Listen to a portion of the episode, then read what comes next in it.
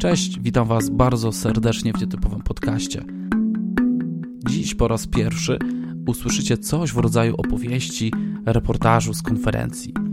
Często na blogach można spotkać coś podobnego, gdzie użytkownicy recenzują konferencję, w której uczestniczyli, opisują jak ona przebiegała, jak wyglądała rejestracja itd. Tak itd. Tak ja postanowiłem zrobić coś podobnego, ale w postaci audio. Głos ma wielką moc i myślę, że dzięki temu będziecie w stanie poczuć klimat wydarzenia, że na tą krótką chwilę uda Was się magicznie na nie przenieść. Nazywam się Grzegorz Kotwis i zapraszam Was na konferencję SecFold Łódź 2019.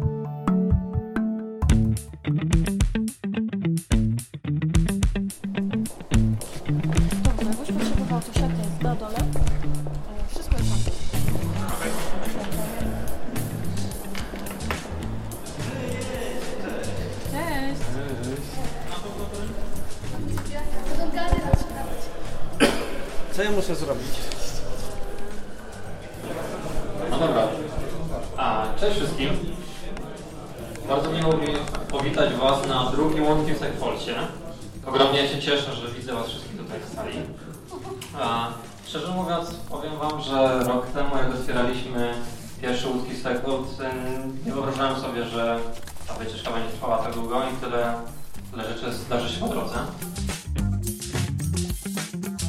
To, z czym pierwszy raz się spotkałem na Segfold, e, to e, upominki, tak zwane swagbagi, skierowane dla waszych drugich połówek, partnerów, partnerek. E, nie kolejna do kolekcji koszuleczka, piłeczka, długopisik czy zeszycik dla ciebie, tylko coś, co po powrocie będziesz miał dla kogoś, kto czeka na ciebie w domu.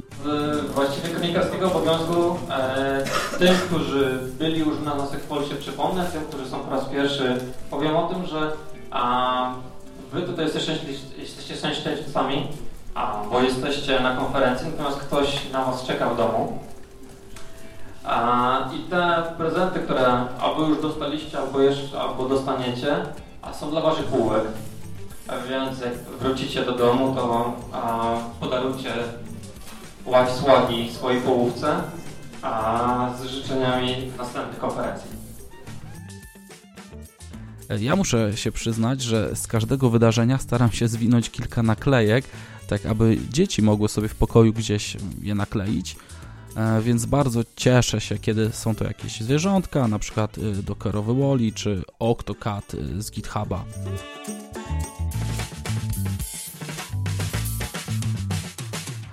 Poprosiłem Wiktora, który otwierał konferencję, aby powiedział skąd wziął się pomysł na Segfold i jaka idea przyświeca tej konferencji.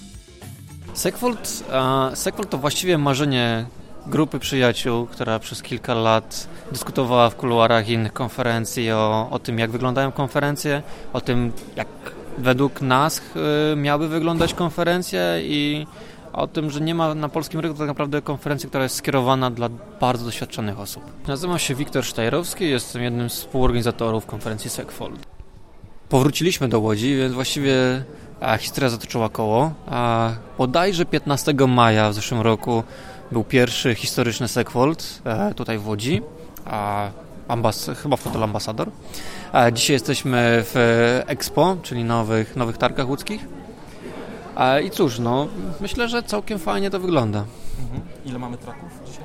Dzisiaj dwa traki, czyli generalna, e, można już powiedzieć standardowa wersja Segfolta, czyli dwa traki, 7 slotów i closing keynote. Mhm. Pomysł na to, w jaki sposób budować agendę, um, zbudowaliśmy na sześciu blokach tematycznych, które chcielibyśmy poruszać na konferencji. Myślę, że jakby znając trochę zaplecze, jak działają inne konferencje, wydaje mi się, że a, działamy trochę a, pod prąd, ponieważ najpierw mamy bloki tematyczne, do tych bloków tematycznych dopiero dobieramy e, prelegentów i prezentacje. Z racji na to, że nie mamy call for papers otwartego, tylko my jako rada zgłaszamy się do konkretnych osób z prośbą o to, żeby wystąpili na naszej konferencji z danym, z danym tematem, który akurat pasuje nam do danego bloku tematycznego. A 31 maja ruszamy z nową ideą, czyli Segfold Community. I to będzie, odbędzie się ta edycja w Kielcach. Sama idea Segfold Community polega na tym, że chcemy oddać tej społeczności coś, co, co bierzemy od nich, czyli właśnie prelegentów, bierzemy uczestników e, i dlatego chcemy zrobić troszkę mniejszą konferencję na jedną ścieżkę, ale e, przy bardzo ścisłej współpracy z lokalnymi społecznościami. W tym przypadku kielecki dżuk bardzo mocno wszedł w kooperatywę z nami i tak naprawdę to dzieło chłopaków. My tutaj jakby jesteśmy radę, e, tym ciałem doradczym, mhm. a, cało, a większością rzeczy zajmują, zajmuje się lokalna społeczność. My jakby, trzymamy pieczę nad tym, żeby trzymało się to całej idei Sekwolte. Prezentację czas zacząć. Do południa czekało na nas sześć prezentacji po trzy na ścieżce. Konferencje otwierały takie tematy jak a któż testować będzie same testy prowadzone przez Roberta Bankowieckiego czy Bartek Kuczyński, czyli Koziołek w temacie monolit, mikroserwisy, a czy to ważne? Nie, nie będę przedłużał, kreska jest o mutation testingu, takim przewrotnym tytule nawiązującym do pewnego powiedzenia, któż będzie testował nasze e, testy. Kreska jest na podstawie doświadczeń e, moich i moich kolegów z pracy z agencji i robienia open source'owego projektu, jakim jest e, Ruby Event Store, który ma more or less dwie funkcjonalności. Ma serializować i zapisywać eventy do bazy e, oraz robi tam in-memory PubSuba albo async PubSuba, korzystając z pewnych funkcjonalności, które dostarczają rejsy. I dość wcześnie w tym projekcie zdecydowaliśmy się na to, żeby robić tam mutation testing od samego praktycznie początku, od wielu lat e, więc mamy jakieś tam już doświadczenie z tym długoletnie. A zwykle nawet jak ktoś opowiada o mutation testingu, to bardziej tak e, teoretycznie niż praktycznie. My sprawdziliśmy to na tysiącach linii kodu i, i wiemy z czym to się e, je.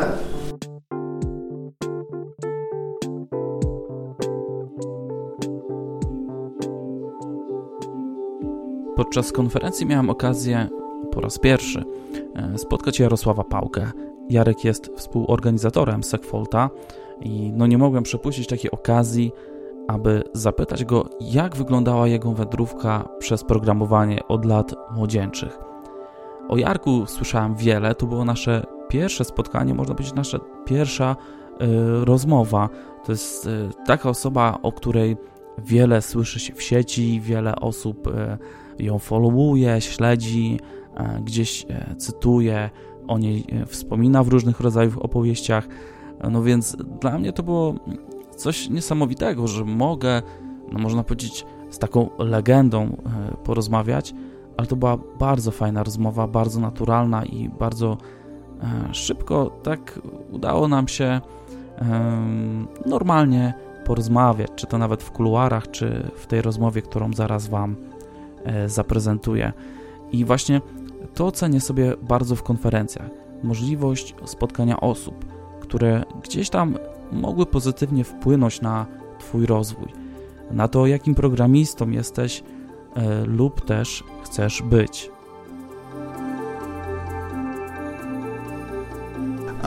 Cześć, nazywam się Rek Pałka, e, z Krakowa jestem i w branży jestem od, e, w zależności jak się liczy, 18 albo 20 lat. Nie wiem, czy liczyć składanie komputerów, jako będzie w branży. Czym się na co dzień zajmuję? Obecnie pracuję w firmie Neo4j jako performance engineer. Zajmuję się wydajnością grafowej bazy danych. Cokolwiek miałoby to znaczyć. E, buduję infrastrukturę, piszemy testy wydajnościowe, robimy analizę tej bazy. E, no i tak naprawdę od 99 jestem związany z JVM-em i wszystkimi rzeczami, które są naokoło JVM-a. Miałem krótką przerwę z C, z Pythonem i różnymi dziwnymi rzeczami, ale zawsze gdzieś tam wracam do, do JVM-a, więc tak pokrótce. No i co robię jeszcze w czasie wolnym? E, organizuję konferencje. E, Jarek, czy pamiętasz swoje pierwsze mm, spotkanie z komputerami? E, Atari 6, nie, 800 XL, bo 65 miałem ja. E, kupiłem, czy rodzice kupili rok później, ale pierwsze, pierwszy komputer to był Atari 800 XL na wiosce, e, podłączone do telewizora. Tak, to było pierwsze i z kasetką. Ale to było pewnie celach bardziej rozrywkowych do grania, czy już wtedy coś próbowałeś z programowaniem? Mm, ja mam bardzo smutną historię z tym związaną, e, dlatego że ja byłem fatalny w grę, ale epicko fatalny. Ja myślę, że tam na tej wiosce, z której pochodzę, dalej krążą dowcipy o tym, jak bardzo słabo grałem w Zorro. E, I mój brat był o wiele lepszy, młodszy zresztą, o wiele lepszy, w tę grę i w ogóle wszyscy naokoło byli lepsi. A i, i ja wpadłem na taki pomysł, że skoro nie mogę być dobry w gry, to zacznę tę grę pisać. Żeby oni mogli przestać tacy dobrze w tę grę. Więc y, tak, y, ja bardzo szybko zacząłem programować. E, w sensie skręciłem w tą stronę i zaczęło się od bajtka. Ja wiem, że tak to brzmi strasznie, nie? Ale zaczęło się odpisywać i było chyba, że komputer świat było coś takiego.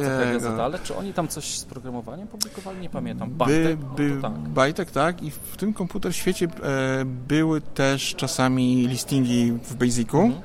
Wiem, że też zdarzały się swego czasu, była taka gazeta Mała Delta dla matematyków, dla, dla jak gdyby na matematyków, a, dla, z czasów liceum, dla licealistów, którzy się pasjonowali matematyką, jak to brzmi, nie? Licealista matematyką. I tam kiedyś czasami pojawiały się jakieś takie właśnie problemy algorytmiczne zapisane w, w postaci kodu i e, i szczerze, pierwszą rzeczą, którą e, ja się bawiłem, nie wiem, czy kiedykolwiek jeszcze ktoś pamięta, to tak zwane e, wojny rdzeniowe.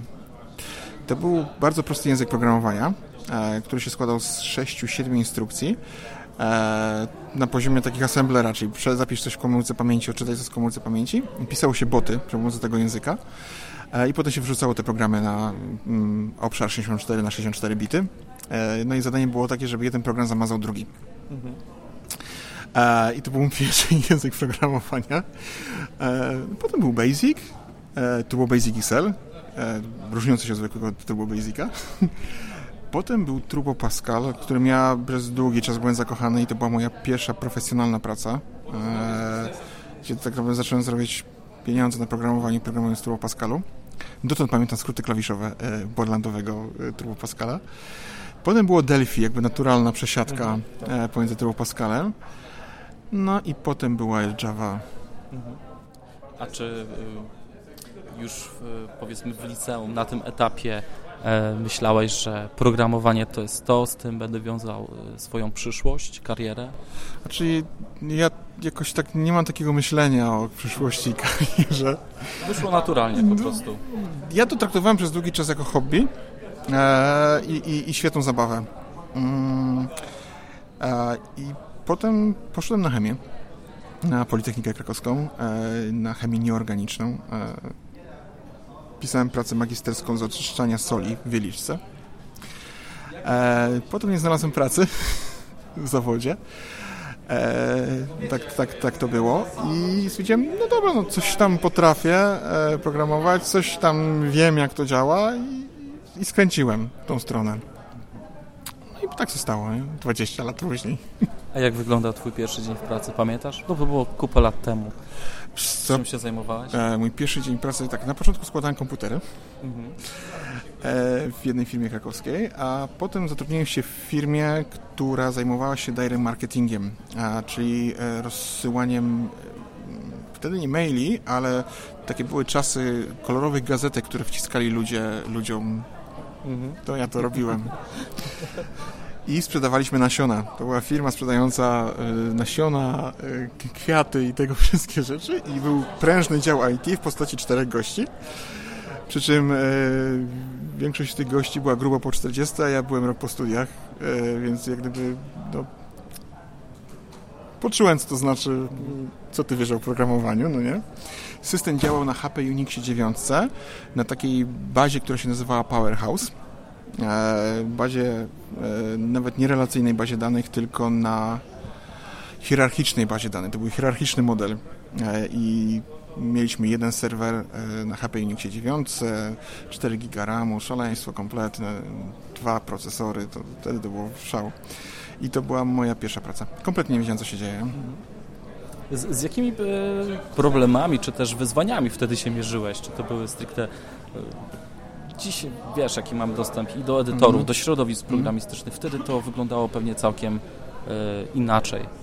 Jeśli chodzi o wytwarzanie. Wiesz co, nie było Stack Overflow. czy- I Google nie było. Nie było Google i nie było Stack Overflow. E, co oznaczało, że po pierwsze bardzo dużo rzeczy, rzeczy trzeba było sobie zapamiętać. Mm, nie wiem, czy jak sobie ludzie wyobrażają pracę bez podpowiadania przez edytor, ale edytory nie podpowiadały. Więc ja pamiętam, jak wyszła Java 1.0 i to była moja pierwsza praca, większość ludzi u nas w firmie znała na pamięć API, nie? JDK. E,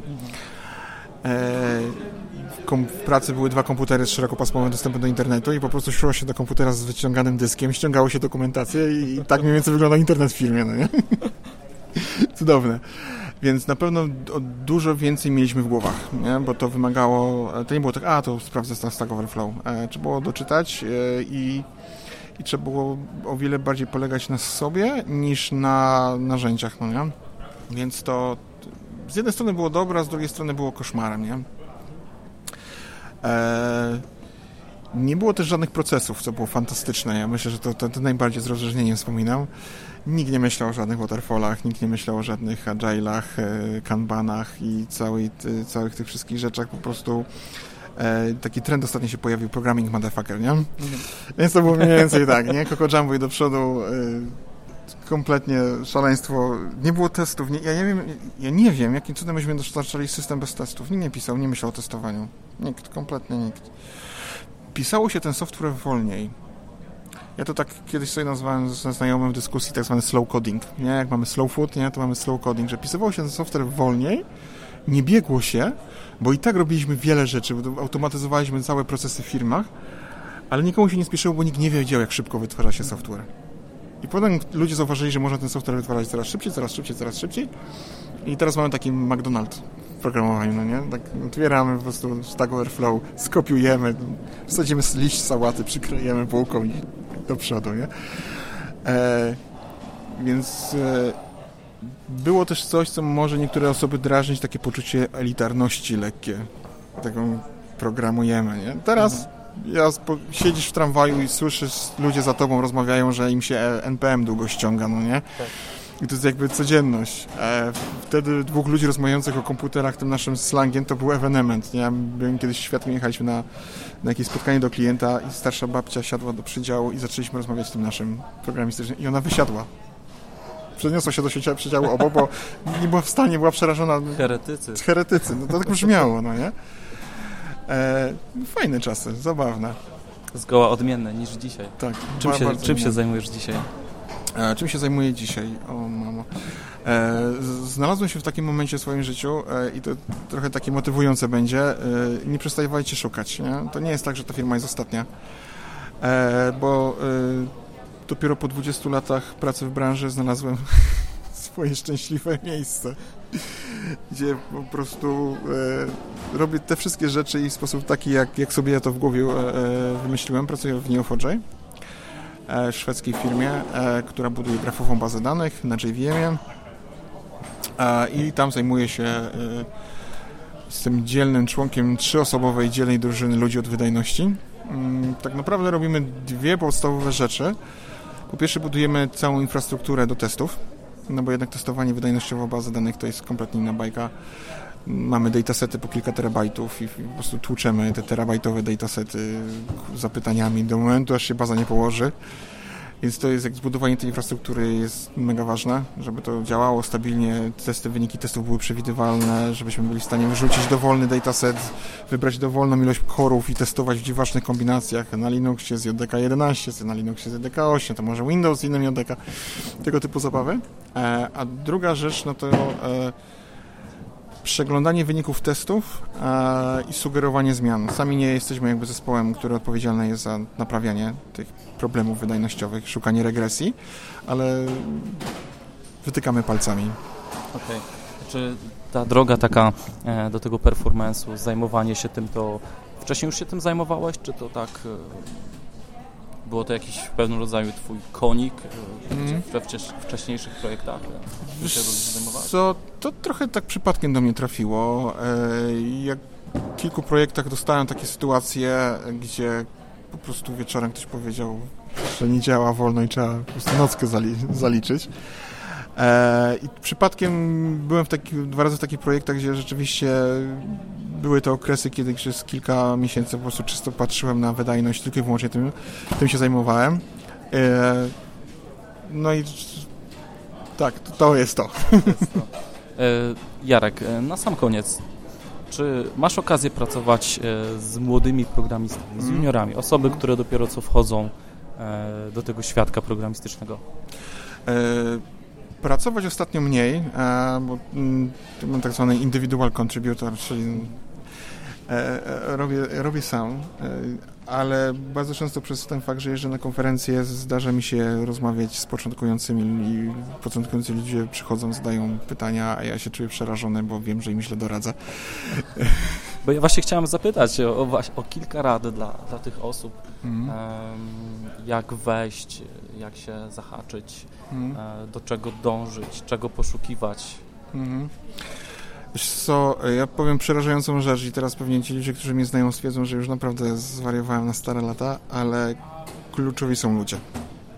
E, kluczowi są ludzie i e, nie technologia, nie frameworki, nie całe to wszystko, czym my się pasjonujemy, ale ludzie. Dlatego, że patrząc na moją karierę i nie lubię tego słowa, na moją wędrówkę przez firmę, E, ja miałem po prostu farta spotykania się z ludźmi, którzy byli lepsi ode mnie. I to jest, e, i, i to jest podstawa, nie? Żebyś, żeby tak budować swoją ścieżkę i tak myśleć o tym, żeby zawsze pracować z lepszymi od siebie, zawsze. I, i nie bać się z nimi pracować, e, bo ludzie się czasami boją, może wyjdę na głupiego, no, ci najlepsi też wychodzą na głupiego, bo zawsze są lepsi od nich, uwierzcie. E, więc kupić się na tym, z kim pracujemy i, i, i zastanawiać się, że nie iść do firmy dlatego, że będziemy mieli tam zniżkę, bo i tak nie pójdziemy na tą siłownię, bo nie będzie czasu. E, ale zadać pytanie, z kim będziemy pracować i podczas rekrutacji powiedzieć, dobra, to ja bym chciał porozmawiać z tymi ludźmi, którzy będą w tym projekcie. Bo, bo, bo mm, najbardziej do przodu nie popchnęły mnie projekty, ale popchnęli mi ludzie, z którymi pracowałem, nie? Miałem mega farta, część tych osób jest nawet tutaj teraz na konferencji, nie? E, I, i, I od nich się najwięcej nauczyłem i oni czasami po prostu sprzedawali mi plaszczaka, że zajmuj się głupotami, zajmij się czymś poważniejszym. E, więc tak, ludzie. E, i, i, I zaakceptować to, to jest druga rzecz i ostatnia. Dwie proste rzeczy. Ludzie, a drugie zaakceptować, że nigdy nie będziesz wiedział wszystkiego i będziesz w stanie permanentnej niewiedzy i, i czerpać z tego przyjemność. I, I nie bać się po prostu powiedzieć nie wiem, a douczę się. Nie? Bo, bo wszyscy, nawet tych, którzy my osobą, każdy ma swoich bohaterów w tych branży. Ja mam nazwiska, które po prostu jak widzę, to mi się na kolana miękną, no nie? I miałem potem z nimi kiedyś e, przyjemność rozmawiać i, jak twój guru ci mówi, że co, no nie wiem, nie? dociera do ciebie, że tak naprawdę nikt z nas nie wie wszystkiego, nie? I w pewnym momencie kariery trzeba sobie odpowiedzieć na pytanie, co mnie jara i co mnie kręci. I ja na przykład nie czytam frontendu.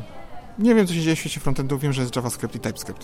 To jest mój koniec mojej wiedzy na temat frontendu. Nie wiem, co się dzieje w jakichś tam data science'ach i tak dalej i w machine learningu, ponieważ na pewnym etapie po prostu musisz sobie wybrać tą swoją miejsce, które naprawdę będziesz szlifował, nie?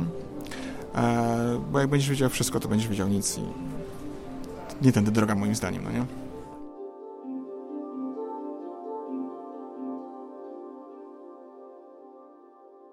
Wow. Słuchając tego jeszcze raz, jestem pod wrażeniem. Naprawdę cieszę się, że udało mi się porozmawiać e, z Jarkiem na właśnie taki nietechniczny temat, tak aby móc poznać jego no troszkę osobowość, jego sylwetkę programisty. Czym żeby była konferencja bez przerwy lunchowej? Głodni deweloperzy to źli deweloperzy. Ja postanowiłem tą przerwę e, wykorzystać, aby zapytać uczestników, co sądzą o konferencji oraz jaki jest ich cel udziału w tym wydarzeniu. Wiem z doświadczenia, że ilu programistów, tyle potrzeb. Niektórzy traktują konferencję jako źródło nowej wiedzy, poznania nowych trendów. Dla innych jest to okazja do spotkania się ze znajomymi, networkingu, a jeszcze inni szukają głównie możliwości rozerwania się na biforku, na afterku, czy też pogrania na konsoli sobie w strefie chillout, zebrania kilku długopisów i naklejek i tak dzień zleci. Przy okazji, Chciałbym Was namówić do networkingu podczas konferencji, do rozmów z innymi uczestnikami. Często spotykam e, osoby, nazwijmy to samotne, które przechadzają się, nic szczególnego nie robią, stoją gdzieś tam w kącie. Moja propozycja: podejdź, zapytaj się, co tam słychać, jak podbać się konferencja, omówcie e, prezentacje, które odbyły się do tej pory, plany, na jakie się jeszcze wybieracie, wymieńcie się doświadczeniem z innych eventów, z pracy. Powiem Wam, to jest moc networking i budowanie takiej sieci kontaktów to jest naprawdę fajna rzecz, która może Wam się przydać w przyszłości. Naprawdę. Cześć, cześć, jestem Przemek. Jestem programistą.net. Wybór tematów, e, które oferuje ta konferencja jest e, bardzo mi odpowiada i prelegenci są e, bardzo interesujący, z dużym doświadczeniem. Michał na co dzień koduje w skali i trochę w JavaScriptach. To jest y, chyba jedna z konferencji, które nie skupiają się na konkretnym języku, na konkretnej technologii, tylko patrzą troszkę bardziej wysokopoziomowo z punktu widzenia architektury, z punktu widzenia takich ogólnych praktyk z e, całej branży, nie skupiając się na konkretnej technologii, na konkretnym frameworku, na konkretnych narzędziach. A te rzeczy, które tutaj są poruszane, będą chyba ponadczasowe i takie uniwersalne. E, cześć, jestem Jarek, e, jestem programistą głównie w Javie. No ja się pojawiłem przede wszystkim po to, żeby się spotkać z kolegami z pracy. E, pracujemy wszyscy zdalnie, więc nie ma takiej okazji, żeby się e, spotkać, porozmawiać. W sumie ciekawe tematy wychodzą w takiej, w takiej luźnej rozmowie. Na przykład dowiedziałem się, że istnieje takie coś jak MOMO, czyli modularny monolit. Nie wiedziałem o tym, jak wrócę do domu, to już nie mogę doczekać, aż się dorwę do internetu. Pomagam w organizacji właśnie, jako wolontariusz. Kiedy chodzisz na konferencję jako wolontariusz, możesz poznać też bliżej prelegentów, możesz e, rzeczywiście pomóc community, więc to jest e, jakaś zaleta. E, nazywam się Joanna Lamch, ogólnie Aśka. Jestem Xamarin deweloperem, ale też staram się na przykład wdrażać chmurę, wdrażać DevOpsy i przekonywać firmę, że można lepiej. Ogólnie mnie się strasznie podoba ta idea nie podążania za hasłami hypowymi, tylko odkrywanie tego, co faktycznie od dawna jest wiadome. I tak samo e, wszystkie te kultury nowe i wszystkie um, nowe podejścia do pracy, jak sam DevOps, to, to, też jest kultura. To jest dokładnie tak, jak ja pracowałam, jak zaczynałam pracować. Nie ruszaliśmy tylko serwerów, ale teraz nie ruszamy serwerów w chmurze, więc wychodzi na to samo. No i atmosfera też jest mega i to, że można porozmawiać tak bez problemu. Przyjeżdżam tutaj też na mobilizację i wtedy jest 500 ludzi i nie da się w palca wcisnąć, nikogo spotkać, bo jest za dużo ludzi, a tu jest tak fajnie, można porozmawiać.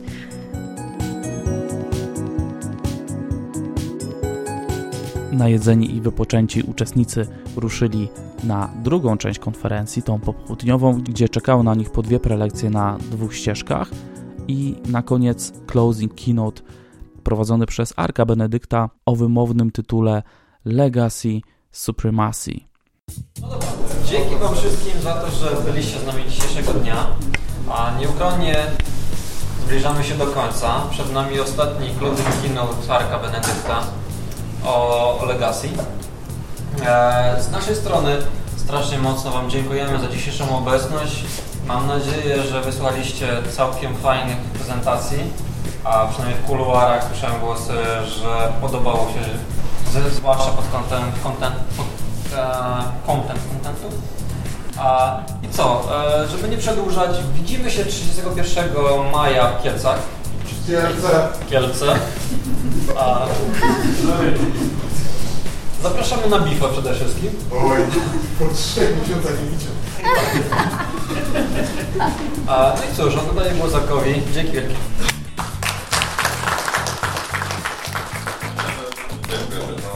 To był intensywny dzień e, dla uczestników pełen prelekcji, wiedzy, networkingu. Mam nadzieję, że tą relacją, pewnego rodzaju opowieścią udało się oddać klimat Segfold, osób, które można spotkać, którymi można się zainspirować. Do usłyszenia następnym razem lub mam nadzieję także do zobaczenia. Cześć!